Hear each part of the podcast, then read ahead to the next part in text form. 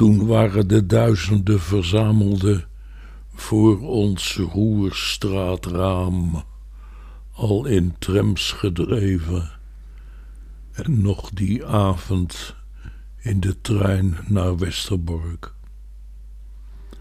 Het gebeurde voor mijn ogen. Ik dacht even dat een gele ster mij riep. Wat doe jij verder met je leven? Nou, waarom lees ik dit voor? Ja. Hier begint alles. Dit is het verhaal. Dit gaat nooit over. Hm. Dit blijft je leven lang. Ja, het, het is gebeurd. Mhm. En het werkt door.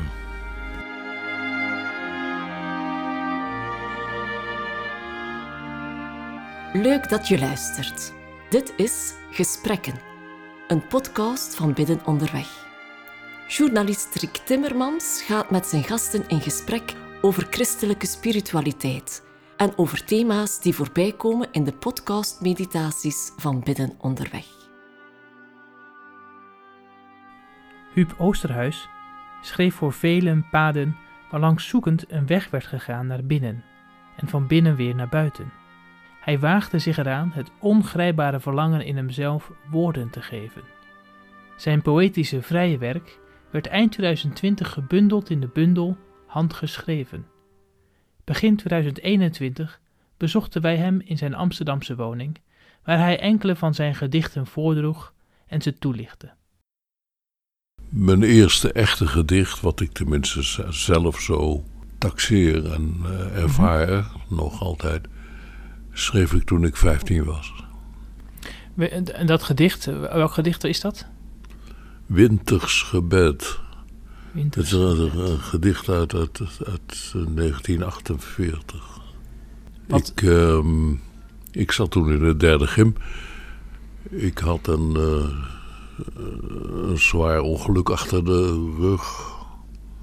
En ik had iets heel anders nodig dan wat ik tot nu toe deed. eh, sporten en weet ik wat. En ik las dus ontzettend veel poëzie. Op een ochtend eh, deed ik de gordijnen open van mijn slaapkamer en ik zag dat het gesneeuwd had. En daar schreef ik een gedichtje over, in één ruk. En toen het klaar was, dacht ik, eh, dat is een echt gedicht. Echt gedicht. Wat maakte dat voor u dan anders dan eh, hetgeen u daarvoor had geschreven?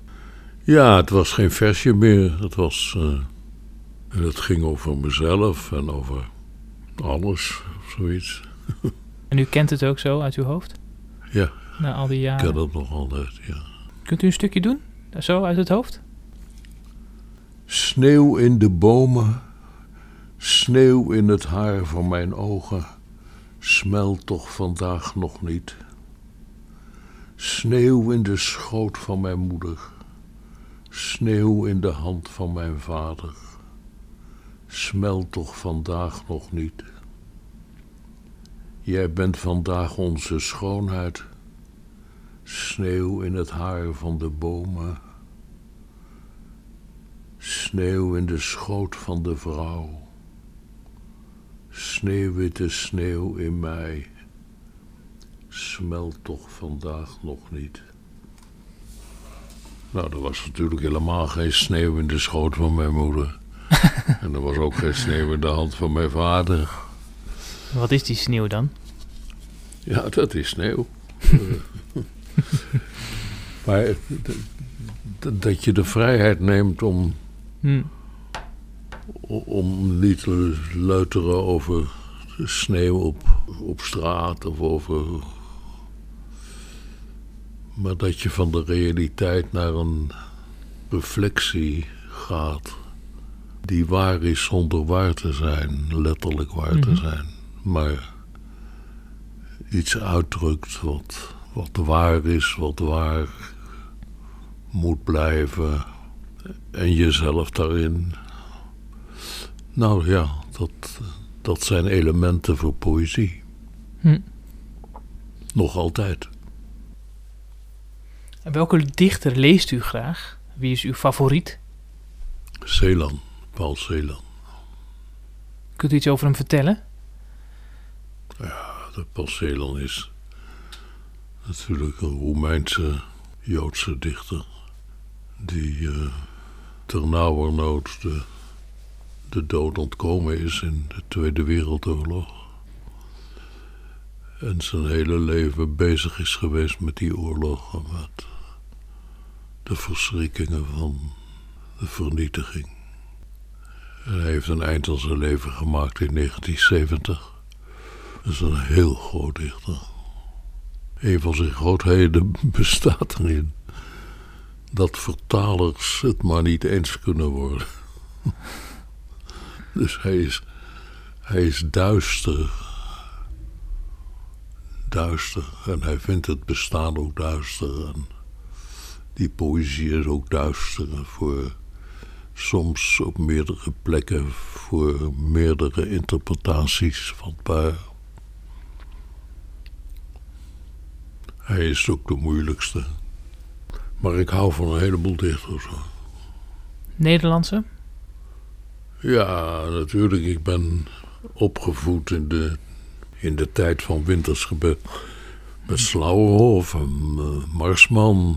En, eh, ik heb ook Vestijk leren lezen. Dat is een... eh, behalve romancier is het een heel groot dichter. en ik ben... ja, gevormd door de vijftigers natuurlijk. Dat was eh, de ontdekking van mijn jeugd. Hans Slodijzer. En later in een tijdschrift een paar gedichten van Lutjebert... waarvan ik dacht, dat, dit is een nieuwe taal, dit is een nieuwe wereld. Eh, u zegt een paar keer dat, dat u dan iemand een goede dichter vindt. Wa- Wat, wat maakt in uw ogen een dichter goed? Ja, dat het onweerstaanbaar is. Dat je er geen woord aan kan veranderen. Dat je geen. En dat je het herkent. En, en met evenveel vragen blijft zitten als herkenningen. Eh, dat gecompliceerde gedoe is poëzie. En dat doet u voor uw plezier. Ik doe het omdat ik het niet laten kan. Het heeft ook iets van eh, dat, je, dat de dichter verlangt eh, er misschien ook wel naar om die essentie van het leven aan te, te raken of daar ieder geval naartoe te gaan. Lijkt, lijkt poëzie en daarop misschien ook op geloven? Of ziet u parallellen tussen eh, wat geloven is en wat, wat poëzie is?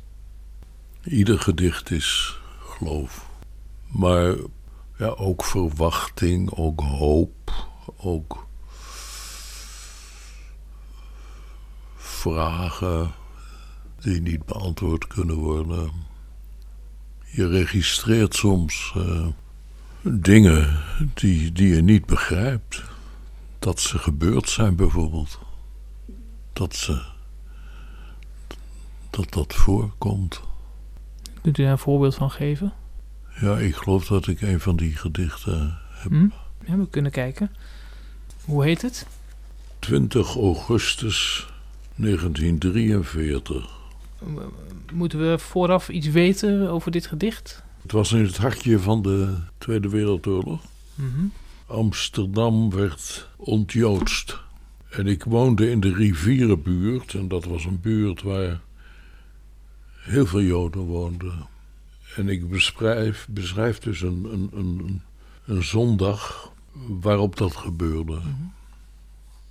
20 juni 1943.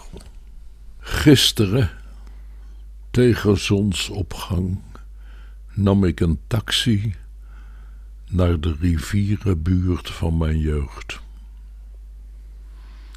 Daar droegen op een dag onze buren gele sterren en mochten niet meer op openbare banken met uitzicht op bloemperken. Zo werd het zondag 20 juni 1943. Daar stonden vroeg in de morgen op alle hoeken lange blonde Duitse stoten met geweren. En van hun verdiepingen daalde af met pannen beladen Onze buren en overburen, onbekende bekenden. Tot in de middag stonden zij op elkaar gedrongen en gebaarden. Een jonge man en vrouw hebben bij ons aangebeld. Mijn moeder doet open, begrijpt, sluit ze op in de gangkast, sleutel in haar schortzak. Toen tien minuten later zo'n mooie jongen met een Amsterdamse politieagent ons huis overhoop haalde, ontdekte zij in de schemergang niet het heiligste der heiligen en vertrokken onverrichtig zaken.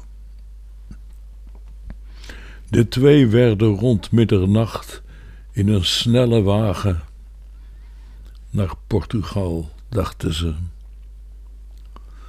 Toen waren de duizenden verzamelden voor ons roerstraatraam al in trams gedreven en nog die avond in de trein naar Westerbork. Het gebeurde voor mijn ogen. Ik dacht even dat een gele ster mij riep. Wat doe jij verder met je leven? Nou, waarom lees ik dit voor? Ja. Hier begint alles. Dit is het verhaal. Dit gaat nooit over. Hm. Dit blijft je leven lang. Ja, het, dat is gebeurd. Mhm. En dat werkt door. Wanneer schreef u dit gedicht? Een jaar of tien geleden. Ah ja. Ja. Had u het eerder al geprobeerd?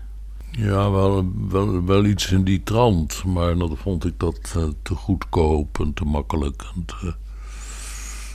dacht zo niet, dacht ik. Maar het moest een keer op papier komen, omdat u die ervaring. Wat wilde u? U- ik zoek nog een beetje wel. Als u zegt, dit, hier begint het verhaal, dan begrijp ik wel dat u bedoelt dat, dat het zo sterk gevormd heeft. Uw leven, uw denken, uw, uw, uw optreden en eigenlijk alles wat u heeft gedaan. Of is het niet te begrijpen omdat het zo'n ervaring eh, Nee, het, is? het, het- het is wel te begrijpen, denk ik. Ik dacht even dat een gele ster mij riep. Wat doe jij verder met je leven?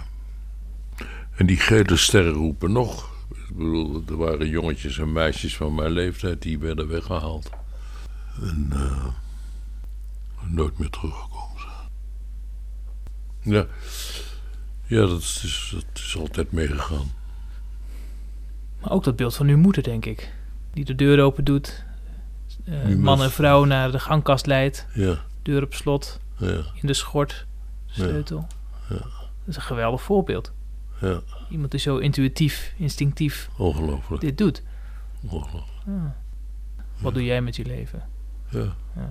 Heeft u, als u die zin terugleest, denkt u dan, terugblikkend op uw leven, dat die gele ster u die vraag stelde, dat u daar een, een antwoord op kunt geven dat voor u bevredigend is? ja, ik zou zeggen, dit heb ik gedaan en nog een paar dingen zoals het kwam. Hè? Ja, helemaal beantwoord je die vraag nooit.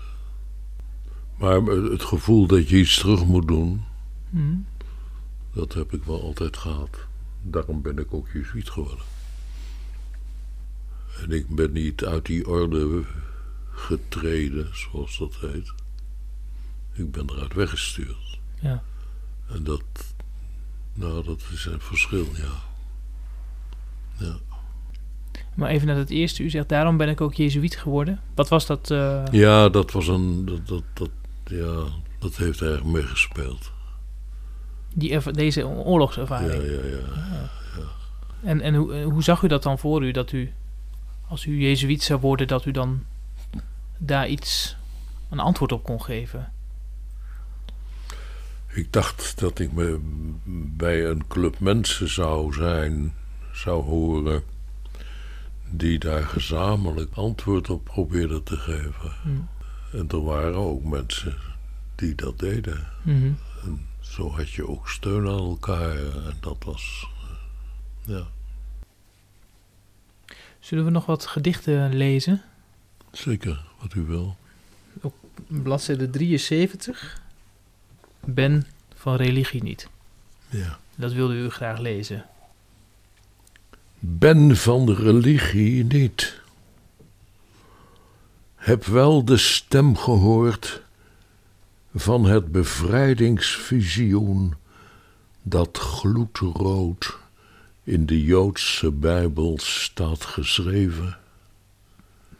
Gelijke rechten op geluk, de zachte krachten van de solidariteit, genadebrood voor ieder mens.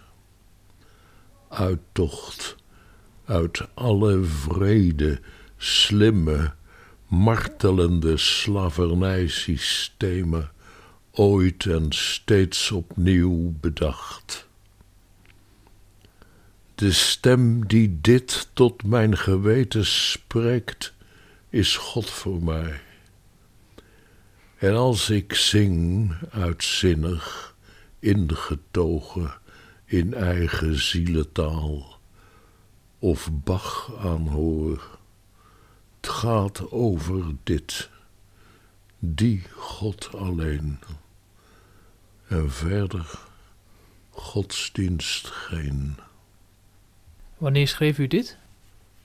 Zo lang geleden, een jaar of zes, een jaar of zes geleden. Een jaar of zes geleden. Ah, ja.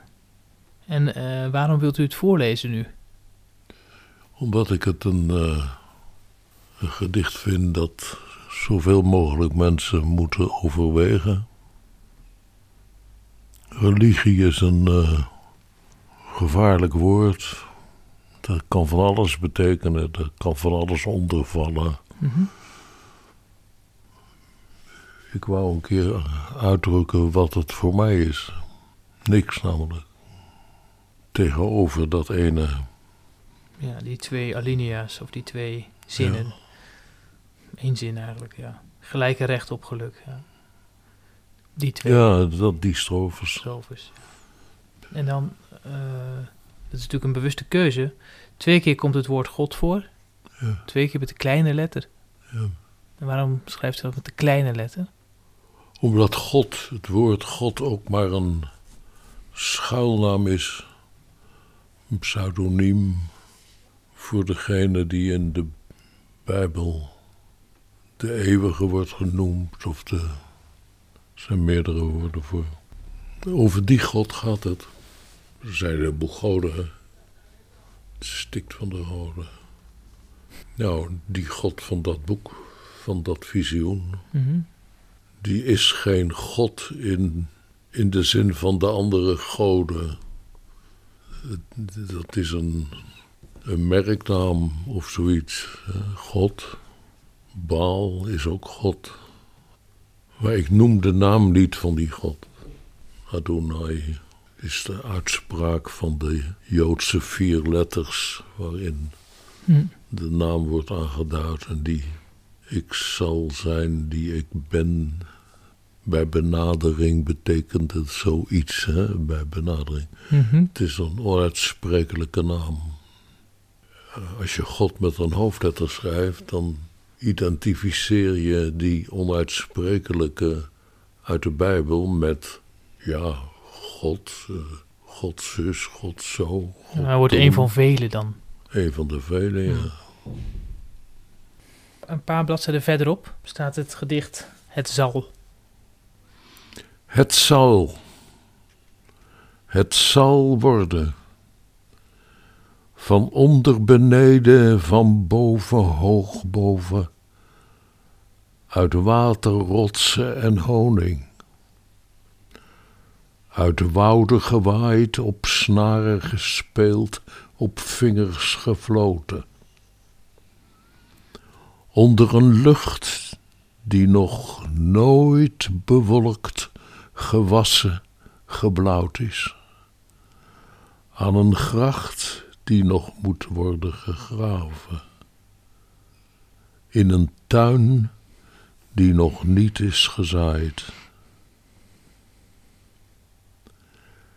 Wat nu nog zwerft zal er aarde, wat rondslingert zal op zijn plaats, en jij van de een naar de ander op zoek zal worden gevonden.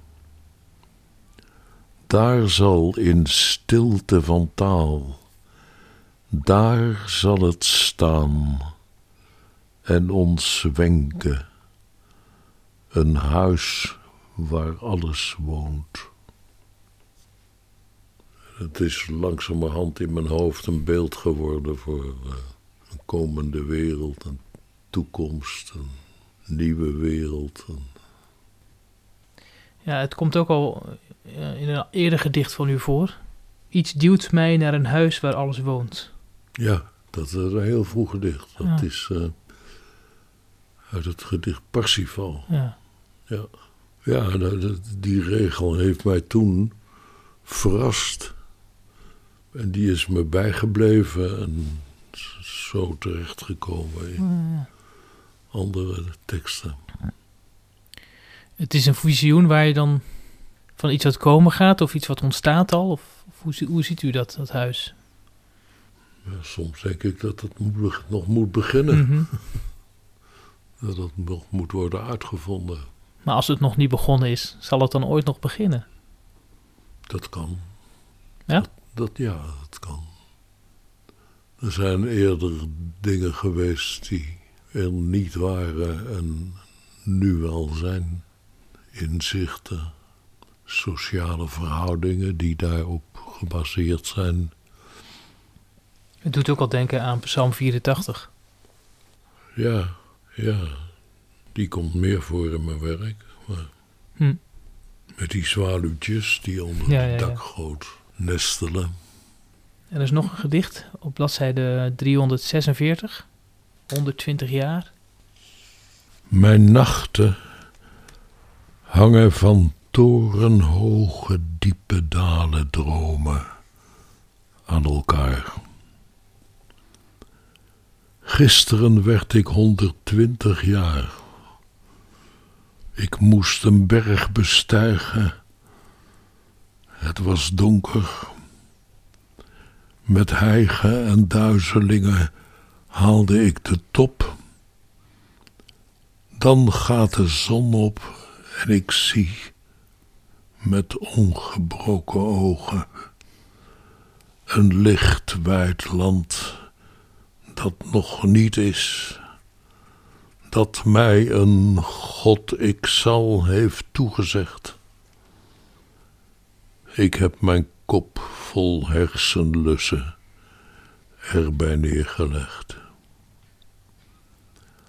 Dan buigt zich over mij heen de rots op zachte voeten, die ik al van verre heb zien naderkomen.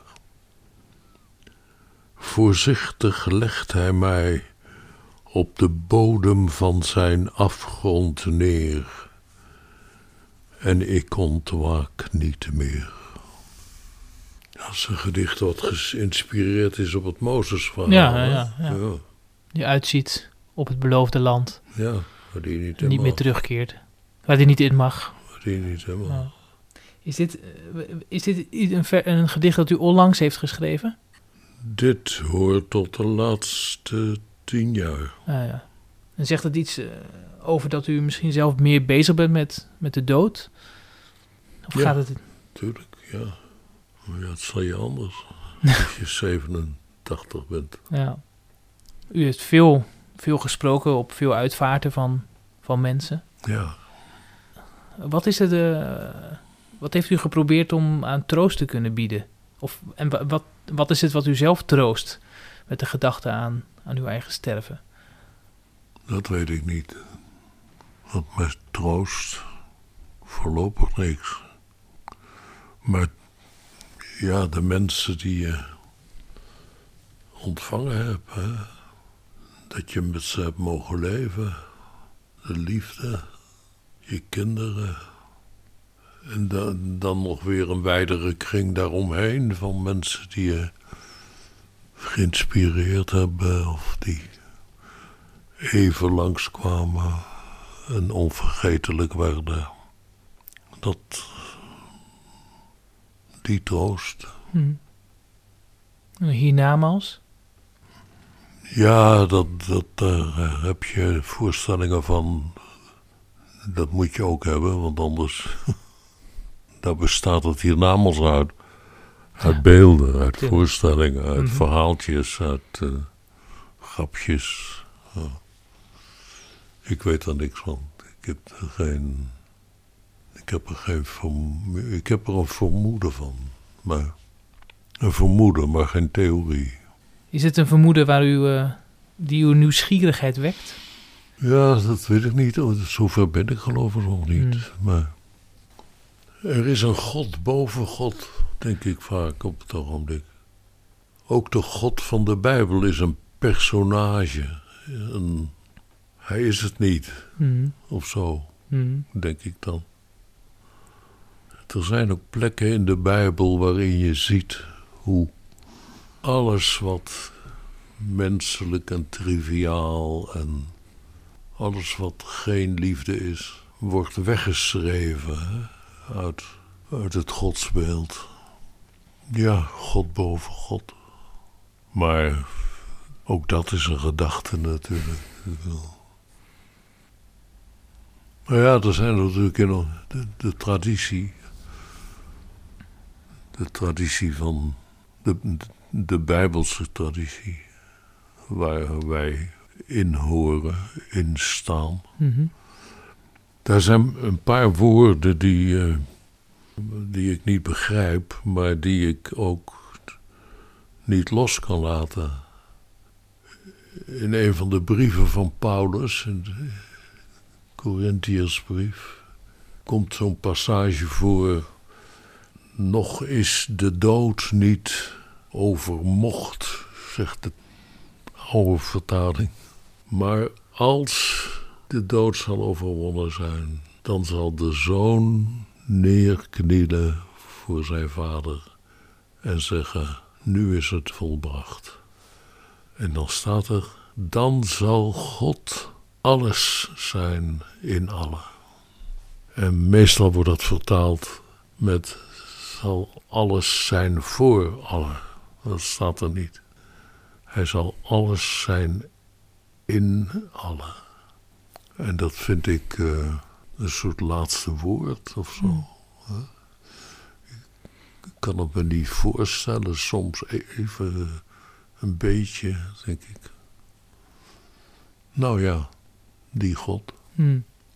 Ja, die God, en, en dan, dat is eigenlijk de mooie brug naar eh, het laatste wat we kunnen lezen, Psalm 8, waarin die God eigenlijk wie is, hè? Ja, zo heb ik dat vertaald. Er zijn heel veel verhalen hoor, die psalm. Ik las ooit in een andere versie, een eerdere versie, die psalm voor. Heer onze Heer, hoe machtig is uw naam allerwege op aarde. De man was stervende. Dat zou wel zo met een maand gebeuren. En eh, ik las die psalm voor en toen zei hij: Het blijft toch altijd wie? Dat vond ik een onsterfelijke zin. Hm. En toen heb ik voor hem de bewerking gemaakt die je nu citeert, die ik voor zal lezen. Het blijft toch altijd wie? Die stervende, dat was Prins Klaus. Dat was Klaus, ja. Hoe weet je dat? Dat staat in de biografie. Oh ja, vreselijke biografie. Nou. Psalm 8, vrij. Onbegonnen naam, onnoembaar wie. Laag of hoog in welke aarde uithoek, wie. Hemel, majesteitelijke mantel, fonkelende myriade, wie? Die uit de mond van kinderen een sterkte bouwt, een burcht van zangen, waar zij hun schenders ontkomen. Die. Als ik de hemel schouw, zon, maan, sterren daar gevrocht, wie zijn wij dan, dat aan ons gedacht zou worden? Mens, wie ben je, dat je wordt geweten? Godendochters zijn wij en zonen, gekroond met onzienlijke kronen, in verfijnde lichamen gekleed, en heel de aarde uitgespreid aan onze voeten, tot in de verste verte, dat wij haar behoeden. Kudde schapen, stoete vee, met de beesten in het wild te samen. Vogels langs de hemelbanen, vissen flitsend langs de lanen van de zee. Onbegonnen naam, onnoembaar jij, wie jij, laag of hoog in welke aarde uithoek jij, wie jij.